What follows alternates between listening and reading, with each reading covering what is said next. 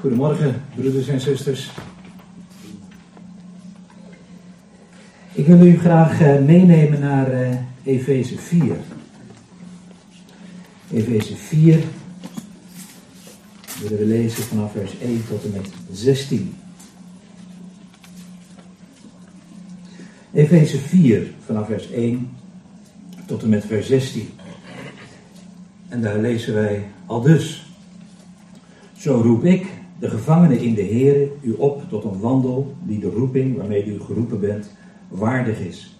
In alle nederigheid en zachtmoedigheid, met geduld, door elkaar in liefde te verdragen. En u te beijveren om de eenheid van de geest te bewaren door de band van de vrede. Eén lichaam en één geest, zoals u ook geroepen bent tot één hoop van uw roeping. Eén Heere, één geloof, één doop, één God en Vader van allen, die boven allen en door allen en in u allen is. Maar aan ieder van ons is de genade gegeven naar de maat van de gave van Christus. Daarom zegt hij, toen hij opvoer in de hoogte, nam hij de gevangenis, gevangen en gaf hij gaven aan de mensen. Wat betekent dit? Toen hij opvoer anders dan dat hij ook eerst neergedaald is in de diepte, namelijk de aarde. Degene die neergedaald is, is ook degene die is opgevaren, is ver boven alle hemelen om alle dingen te vervullen. En hij heeft sommigen gegeven als apostelen, anderen als profeten, weer anderen als evangelisten en nog weer anderen als herders en leraars, om de heiligen toe te rusten, tot het werk van dienstbetoon, tot opbouw van het lichaam van Christus, totdat wij allen komen tot de eenheid van het geloof en van de kennis van de Zoon van God, tot de volwassen man, tot de maat van de grootte van de volheid van Christus opdat wij geen jonge kinderen meer zouden zijn, heen en weer geslingerd door de golven en meegesleurd door elke wind van leer, door het bedrog van de mensen om op listige wijze tot dwaling te verleiden, maar dat wij door ons in liefde aan de waarheid te houden, in alles toe zouden groeien naar Hem die het hoofd is, namelijk Christus. Van Hem uit wordt het hele lichaam samengevoegd en bijeengehouden door elke band die ondersteuning geeft. Overeenkomstig de mate waarin ieder deel werkzaam is. Zo verkrijgt het lichaam zijn groei tot opbouw van zichzelf in de liefde. Ja, we hebben de vorige keer vooral stilgestaan toen ik mocht spreken bij uh, het tweede hoofdstuk van de Efezebrief en dan met name vers 5 en 6, waar uh, waar Paulus spreekt over het feit dat we met Christus zijn levend gemaakt, dat we met Christus zijn opgewekt en dat we met Christus gezet zijn in de hemelse gewesten. En vanmorgen wil ik eigenlijk met jullie vooral ook nadenken over ja, wat dat alles ook tot uitwerking heeft in ons persoonlijk dagelijks leven die geweldige waarheden, die geweldige positie waarover Paulus met name, dat hebben we de vorige keer ook gezien in die eerste drie hoofdstukken, eh, ons bij bepaalt. Hoofdstuk 4 begint dan hè, met die bekende woorden. Eh, zo roep ik hè, de gevangenen in de Heer u op tot een wandel die de roeping waarmee u geroepen bent waardig is. Dus eh, bijzonder eigenlijk als je even kijkt naar het feit dat Paulus zich een gevangene noemt in de Heer. Eh, hij was een gevangene van Rome, dat weten we. Uh, hij was daar ook in de gevangenis, maar in Rome, maar eigenlijk zo bijzonder dat, dat hij het ziet in het perspectief van zijn positie in Christus. Hij is een gevangene, uiteindelijk niet van de Romeinse overheid, maar hij is een gevangene in de Heer. En ja, dan roept hij inderdaad op, hè, te wandelen waardig roeping waarmee wij geroepen zijn.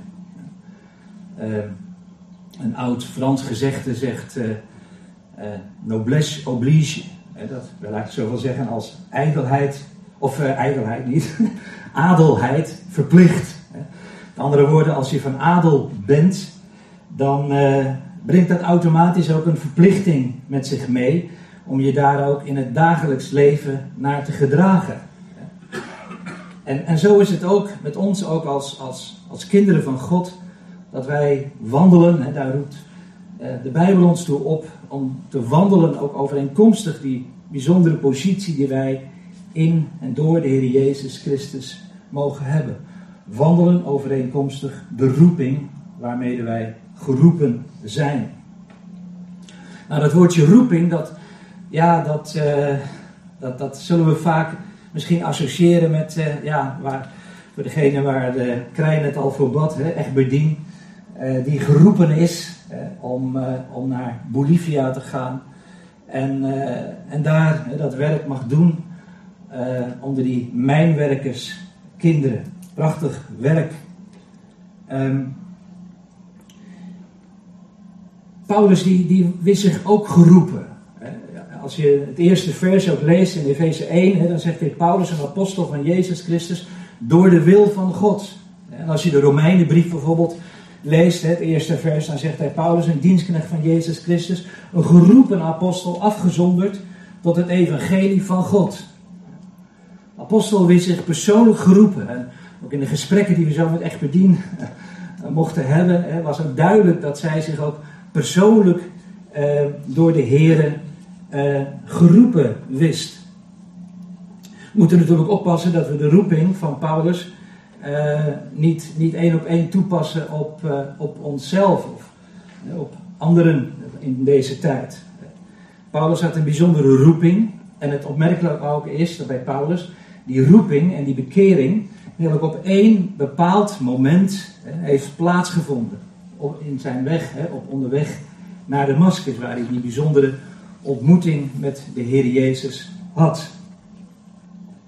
Tegelijkertijd, hè, daar, dat is eigenlijk een, hè, een moment wat, wat, hè, wat, wat, wat Paulus eh, ja, ook vele malen, meerdere keren ook beschrijft, hè, moment in de tijd. Aan de andere kant is het ook wel weer heel opmerkelijk dat hij bijvoorbeeld zegt in Galaten 1, vers 15, dat hij door God uh, vanaf de schoot van zijn moeder al was afgezonderd. Galaten 1, vers 15. En geroepen om zijn zoon in hem te openbaren en onder de heidenen zou verkondigen. Dat is eigenlijk heel bijzonder als je, als je dat eerste ja, periode hè, van, van Paulus' leven ziet. Hè, en dan met name die periode toen hij nog een Saulus was. Toen hij nog hè, de, de gemeente vervolgde. Uh, ja, wie kon toen bevroeden dat hij degene was die eigenlijk al was afgezonderd vanaf de schoot van zijn moeder? Afgezonderd was om dat evangelie te mogen prediken. Afgezonderd was om ook de ontvanger en ook de verkondiger van dat geweldige geheimenis uh, te zijn. Dat hem was toevertrouwd met betrekking tot de gemeente, het lichaam van Christus. En dat hij ook was, was afgestemd en geroepen uh, afgezonderd en geroepen door de Heer om ook een beelddrager van Christus te zijn. Ja, dat kun je eigenlijk, eigenlijk moeilijk in elkaar passen. Hoe, hoe, hoe kan dat? En dat ja, is denk ik eigenlijk ook een prachtig beeld. En prachtig, God geeft ons daarin ook een inkijkje in zijn soevereine handelen. God handelt hè, eh, op een wijze die, die, die ja, boven de tijd en, en boven allerlei gebeurtenissen hè, die, wij, uh, die wij observeren, daarbovenuit gaat. Uh, hij had hem al afgezonderd om, om dat werk in hem uit te voeren. Terwijl daaraan vooraf een enorme gebrokenheid is geweest in het leven van, van Paulus. En eigenlijk een, ja, gruwelijke dingen heeft gedaan aan de gemeente. En toch ging dat plan van God zou uiteindelijk in vervulling gaan. Heel mooi om, om, dat, om dat te mogen ontdekken, dat God dus handelt ja, boven de tijd uit. Boven de, de dingen uit zoals wij die in ons leven en misschien ook in het leven van anderen eh, zien gebeuren. God die een plan heeft en uiteindelijk ook met dat plan ook, ook ten uitvoer brengt en dat plan ook tot zijn, zijn doel komt. Overigens wil dat niet zeggen dat, dat de Heer in zijn soevereine handelen ehm, de, de, de menselijke wil uitschakelt. Want eigenlijk de eerste woorden die, die Paulus spreekt tot de Heer Jezus, naar die geweldige bekering die hij daar heeft ondergaan op de weg naar Damascus, was: eh, Heer, wat moet ik doen? Wat wilt u dat ik doen zal? God schakelt nooit de menselijke wil uit. Paulus die, die zijn menselijke wil onderwerpt aan de Heer en, en ernaar verlangt om vanaf dat moment ook door de Heer geleid te worden. En zijn leven als het ware in die paar woorden volkomen aan, aan de voeten van de Heer Jezus neerlegt. Ja, ik zei het al, we kunnen die roeping van Paulus natuurlijk niet één op één zomaar toepassen op de roeping en bekering uh, van onszelf. Uh, waar ik zo nog meer over wil zeggen. Wat wel bijzonder is, is uh, dat we ons denk ik wel herkennen in, in wat Paulus schrijft in hoofdstuk 1, vers 13. En daar zegt hij, in hem, in Christus bent ook u, nadat u het woord van de waarheid, namelijk het evangelie van uw zaligheid gehoord hebt, in hem bent u, toen u tot geloof kwam, verzegeld met de heilige geest van de belofte. Het is duidelijk dat daar de apostel wel weer laat zien dat, ja, dat er een moment is geweest hè, in het leven van de gelovigen, dat zij ja, dat woord der waarheid, een prachtige beschrijving van, van wat de Bijbel eigenlijk is, hè, het evangelie van uw zaligheid. Ja, nadat u dat gehoord hebt en nadat u dat tot geloof bent gekomen, toen u tot geloof kwam, dat is een moment, zou je kunnen zeggen. Ja, toen ben je ook meteen ook verzegeld met de Heilige Geest van de belofte. En zo werkt dat. Dat woord gaat uit. En overal waar dat woord ja, geloofd wordt, ja, daar doet de Heer een geweldig werk in de harten en levens van mensen. En misschien is het zo dat je hier vanmorgen zit, of misschien meeluistert via, via uh, het internet en zegt: Ja, ik kan dat moment zo bij mezelf eigenlijk niet herkennen. En dat is natuurlijk ook heel goed mogelijk. Dat je eigenlijk al van kinds af aan eigenlijk bent opgegroeid in deze dingen. En eigenlijk van kinds af aan ook deze dingen gewoon hebt het geloofd. Dat je leven al op jonge leeftijd, hè, misschien zonder een bewust moment, aan de Heer hebt toevertrouwd. Maar waar het wel op gaat, is dat je zeker weet dat, zoals Paulus dat hier noemt, hè, dat, dat evangelie van, de, van, van je zaligheid, dat geweldige evangelie van die genade van God, dat je daar wel amen op hebt gezegd, dat je daar wel op bent ingegaan op die uitnodiging van God. Want als dat niet het geval zou zijn, dan, ja, dan gaat ook die rijkdom van het evangelie volkomen aan je voorbij. En dat is natuurlijk wel belangrijk. Corrie ten Boom heeft ooit eens gezegd: God heeft geen kleinkinderen. Waarmee ze eigenlijk wil zeggen: je kan, niet, ja, je kan het niet doen op het geloof van je ouders of van je grootouders. Je moet ook zelf komen tot, ja, tot, dat, tot dat geloof, tot, tot inderdaad dat aanvaarden wat, wat God in zijn zoon ook voor jou persoonlijk tot stand heeft gebracht. Dat hij voor jou aan het kruis is gegaan van Golgotha. Dat hij daar jouw zonden in zijn lichaam op het hout gebracht heeft. Opdat we hè, gerechtvaardigd zouden worden in hem. Niet alleen vergeving van zonde, maar ook dat God ons zijn gerechtigheid, grond van het geloof, toerekent. Wel, tegelijkertijd is er ook nog een andere dimensie, waar we ook de vorige keer al even bij hebben stilgestaan. Namelijk eh, dat God ons voor de grondlegging van de wereld al in Christus heeft uitverkoren. Dus er is een moment, zoals Paulus dat beschrijft in die tekst die we net gelezen hebben. En tegelijkertijd laten, zien, laat de Heer ook zien dat, dat, ja, dat, dat Hij uiteindelijk toch de initiator is. Dat Hij uiteindelijk degene is die, die nog voor de grondlegging der wereld ja, ons al in Christus heeft uitverkoren. Daar is heel veel over te zeggen, daar hebben we nu vanochtend geen tijd voor, maar ik wil je vooral eigenlijk meenemen ook naar die geweldige dimensies waarin het heilsplan van God openbaar wordt, vervulling krijgt. Voor de grondlegging van de wereld. En, en dat, ja, dat gaat ons tijdsbesef natuurlijk ver te boven. De vorige keer ook gezien dat dat eigenlijk een hele unieke uitdrukking is. Hè, voor de grondlegging der wereld. Er zijn meerdere teksten die gaan vanaf de grondlegging van de wereld. Maar als het gaat hè, om, om Christus en als het gaat om, om zijn gemeente, dan, dan gaat Paulus terug eigenlijk naar voor de grondlegging van de wereld. En uh, ja, je kan natuurlijk een, zou een berekening kunnen maken hoe, hoe oud is die wereld dan en wanneer zou dat dan plaatsgevonden moeten hebben.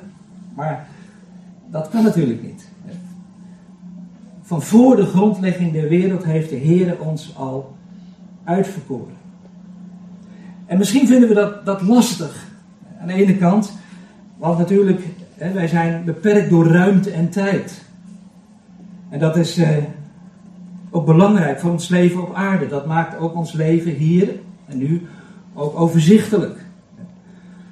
Door de tijd zijn we in staat om, ja, om onze agenda in te vullen, om onze afspraken te maken, om onze dagindeling te maken, enzovoort, enzovoort. Maar het werk dat God in ons uitwerkt, dat overstijgt de tijd.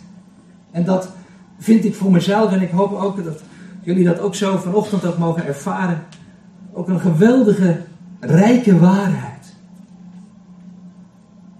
En dat, dat vind je onder andere ook terug ook in de tekst die we ook nog wel eens vaak ook hier citeren in Dabar.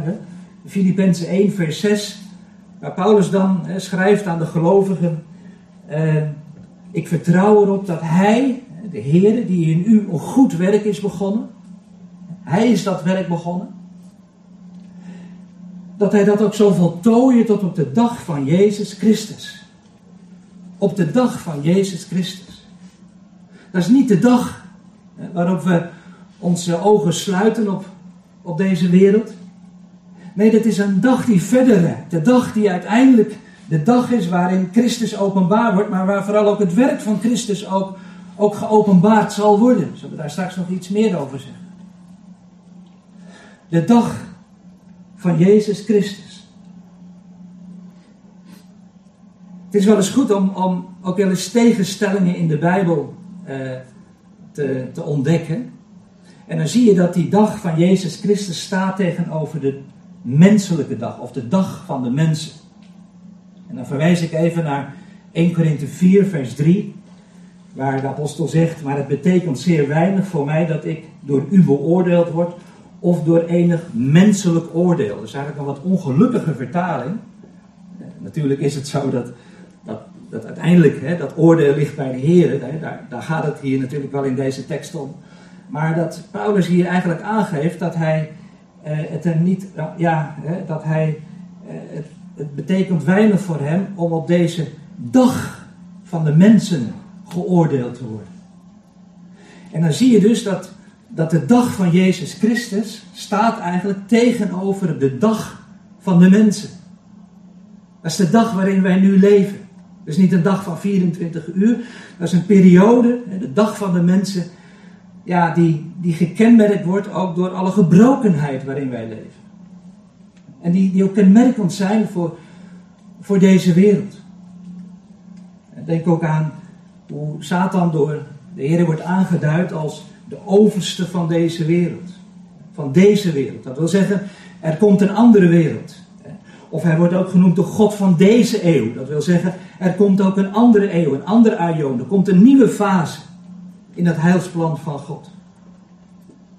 Maar nu leven we dus in de, in de tijd van, ja, die de Bijbel aanduidt als de dag van de mensen. En dat zie je in je eigen leven, hoe gebrokenheid kan toeslaan. Je ziet het in de mensen om je heen. Je ziet het in de wereld om je heen. Je ziet het in, ja, in de wereld ook in het grote, de geopolitieke ontwikkelingen, de machtsblokken. Hoe, hoe die ja, voortdurend eigenlijk met elkaar in competitie zijn. En eh, als we het daarover hebben, dan moet ik ook denken aan die uitdrukking die de Heer Jezus gebruikt in zijn eindtijdreden in Lucas 21 vers 24, waar hij zegt dat Jeruzalem door de heidenen vertrapt zal worden totdat de tijden van de heidenen vervuld zijn. Dat is ook zo'n aanduiding, denk ik, die we ook kunnen toepassen op de tijd waarin wij leven, de tijden der heidenen. En Jeruzalem staat inderdaad nog een, nog een moeilijke tijd te wachten. Ook daar spreekt het profetische woord heel duidelijk over. Maar het heeft totdat. Jeruzalem zal vertreden worden. Het is verschrikkelijk als je nog Zachariah 14 leest, onder andere, en zoveel andere uh, uh, profetische tekstgedeelten, waar inderdaad nog, nog een verschrikkelijke gebeurtenissen daar zullen plaatsvinden. Het zal het epicentrum zijn eigenlijk voor een enorme verdrukking. Uh, maar uiteindelijk heeft het een totdat. Die tijden der heidenen, die ons soms ook angst aanboezemen, inboezemen, dat heeft een totdat. En dat is geweldig. En daar mogen we ook naar uitzien. En in die dag van de mens, om daar nog heel even op terug te komen, is God in het verborgen aan het werk. Met de zekerheid dat, dat het goede werk dat hij is begonnen, dat hij dat inderdaad zal voltooien tot op de dag van Jezus Christus. De dag waarop dat werk straks openbaar wordt. Kan God dat? Is God daartoe in staat? Nou, weet je, misschien vind je het een beetje een gek voorbeeld, maar um, ik, ik, ik, ik ben zelf vaak onder de indruk gekomen van, dan moet je niet lachen hoor, de paling. De paling, hè, die, die in zijn leven hè, duizenden kilometers van en naar zijn geboortegrond zwemt. In de Saragossa-zee. De Bermuda-driehoek. En daar moet hij ontzettend veel voor hindernissen overwinnen. Sluizen, gemalen, sterke stromingen, wisselingen ook van, van zoet naar zout water. Maar het bijzondere is dat, dat God een verborgen mechanisme in die schepping gelegd heeft, zodat inderdaad dat alles zo plaatsvindt. Van zoet naar zout water. Misschien ervaar jij dat zelf ook in jouw leven, of u in uw leven, dat u eigenlijk bent overgegaan van zoet naar zout. Dat zou zomaar kunnen.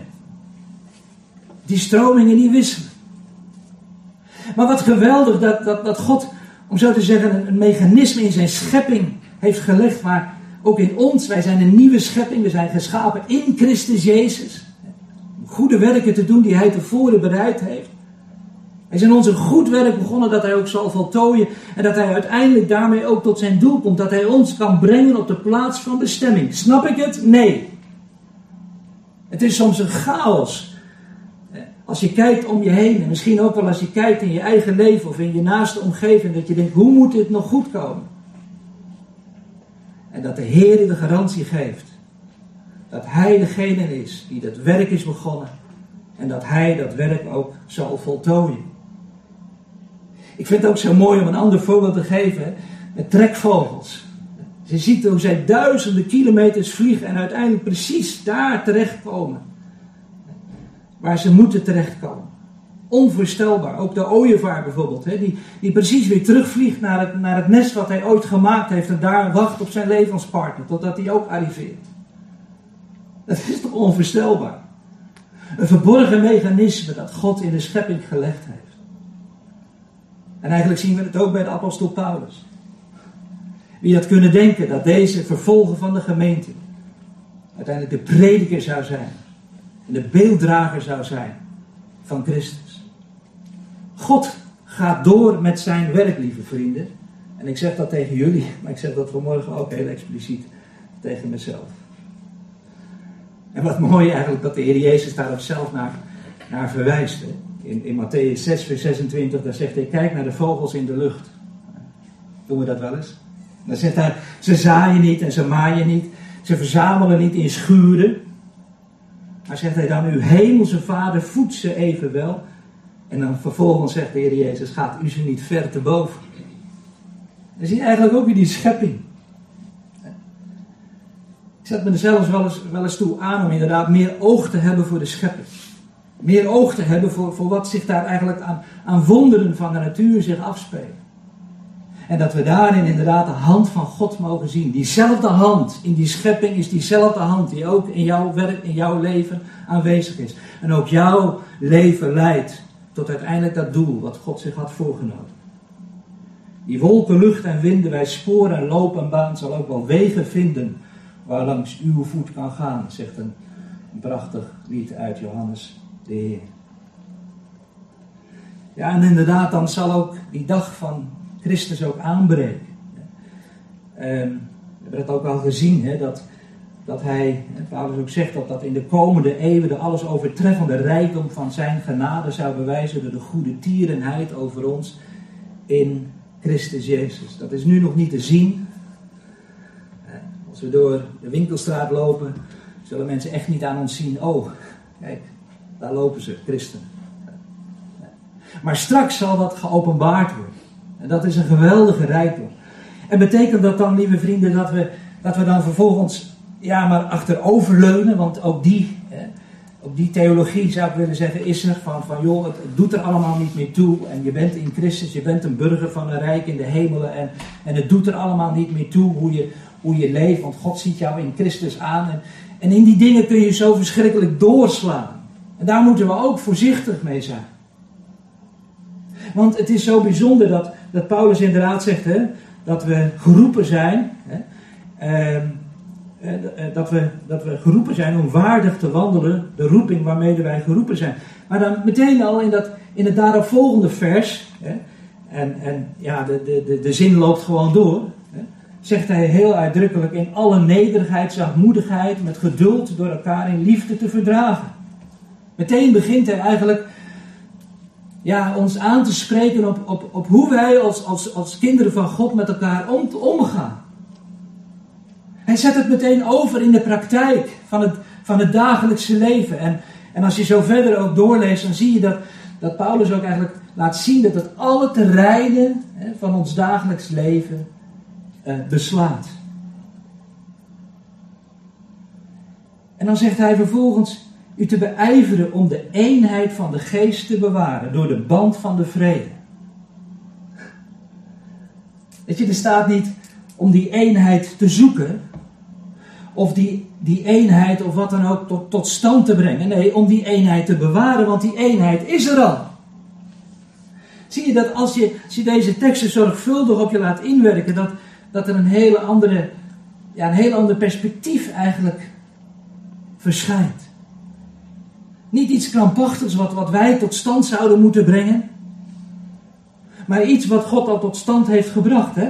En, en eigenlijk een zevenvoudige, zeven het getal van de, van de volheid, zevenvoudige eenheid. Eén lichaam, één geest. Zoals u ook geroepen bent, geroepen, heb je het woord weer, tot één hoop van uw roeping. Eén hoop. Allemaal dezelfde hoop. Er is één Heer, één geloof, één doop, één God en Vader van allen, die boven allen en door allen en in u allen is. Het is zo belangrijk, en ik zeg dat ook tegen mezelf, dat we de dingen gaan zien vanuit het perspectief waarin God de dingen ziet. Niet op ons horizontale niveau, maar zien vanuit de, wij, vanuit, ja, zeg maar de rustige ogen van God. Zoals Hij deze dingen ziet. En dat we daarin ook gaan staan en, en daaruit ook gaan leven. En dan, dan is het, ja, de tijd ontbreekt mij om daar nu verder op in te gaan. Maar dan, dan, dan spreekt Paulus ook over de, de opstanding van Christus, in dit, dit gedeelte. Hij die is, is neergedaald. Hij is natuurlijk ook degene die ook is opgestaan uit de doden. Die, die de gemeente ook heeft, heeft toegerust, ook gaven heeft gegeven. Apostelen, profeten, weer andere evangelisten, nog weer andere herders en leraars. Om de heiligen toe te rusten. Het is nooit de bedoeling voor, om jezelf, hè, met de gaven die God jou gegeven heeft, om daarmee zelf te gaan shinen. Het is altijd hè, tot opbouw van die ander. Het is altijd tot dienstbaarheid van die ander. En dan ja, wil ik eigenlijk gaan graag een sprongetje maken naar vers 13, waar, waar Paulus dan zegt: hè, Totdat wij allen, en niet sommigen, totdat wij allen tot de eenheid van het geloven van de kennis van de Zoon van God, tot een volwassen man, tot de maat van de grootte, van de volheid van Christus. De volheid van Christus. We die kennis hè, verzamelen vanuit het woord en door Gods geest, die ons inderdaad voortdurend eigenlijk wil bepalen bij, bij wie Christus is. Wat Hij in ons leven wil uitwerken. Waar hij ons geplaatst heeft in hem, in Christus Jezus. Een gevangene in, in de Heer, zegt, Paulus. Geweldig om, om dat te zien. En dan zegt hij ook, opdat wij geen jonge kinderen meer zouden zijn, heen en weer geslingerd door de golven en meegesleurd door elke wind van leer, en er zijn er nogal wat, door het bedrog van mensen, om op listige wijze, denk erom, listige wijze, er is veel list, wordt er gebruikt, die tot dwaling leidt.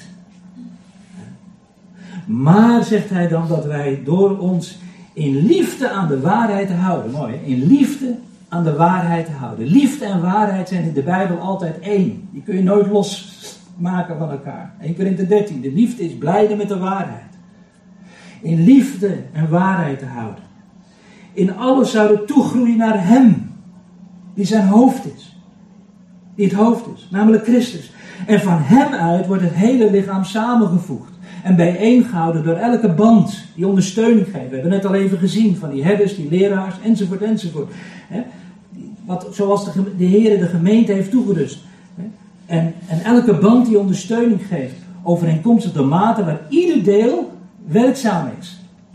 Het is niet alleen beperkt tot die herders en die leraars. Nee, we hebben al vaker gezien dat het lichaam van Christus bestaat uit veel meer onderdelen, uit veel meer gaven die de Heer daarin gelegd heeft.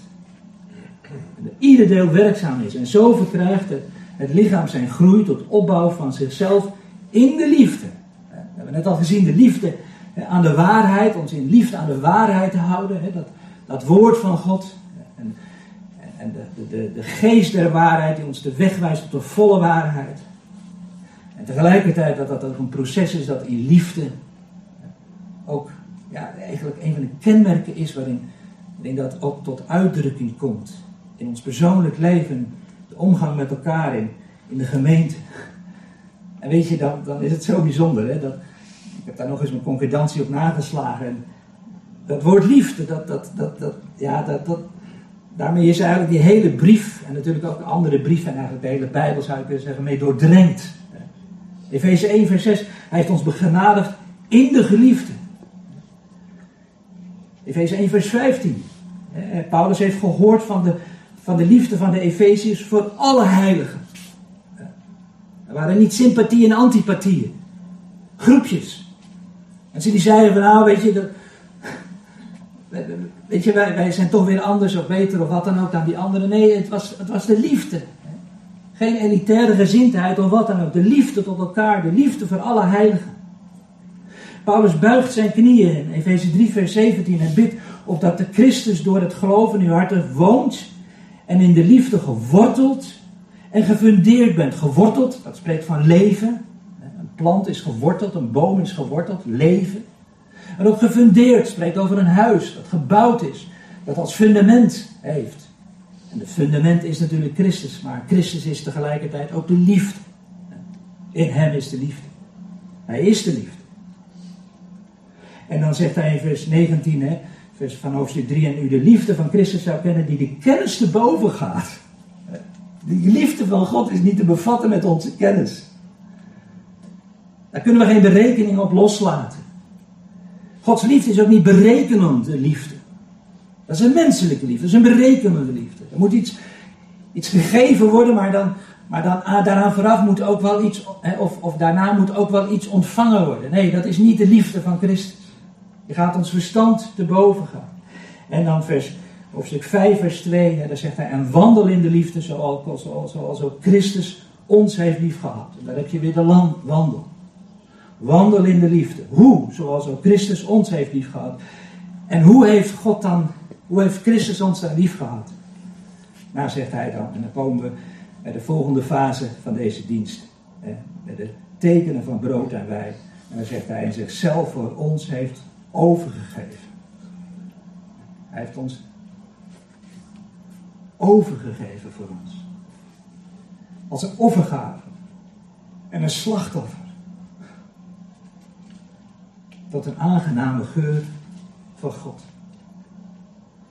Kunnen we dat ons moeilijk voorstellen.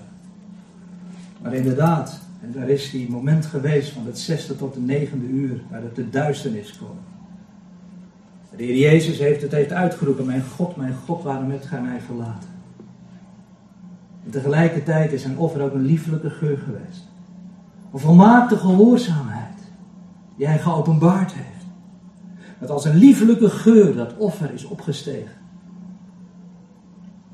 Tot God. En wat geweldig dat God ons heeft meegenomen. Dat we zijn aanvaard in de geliefde.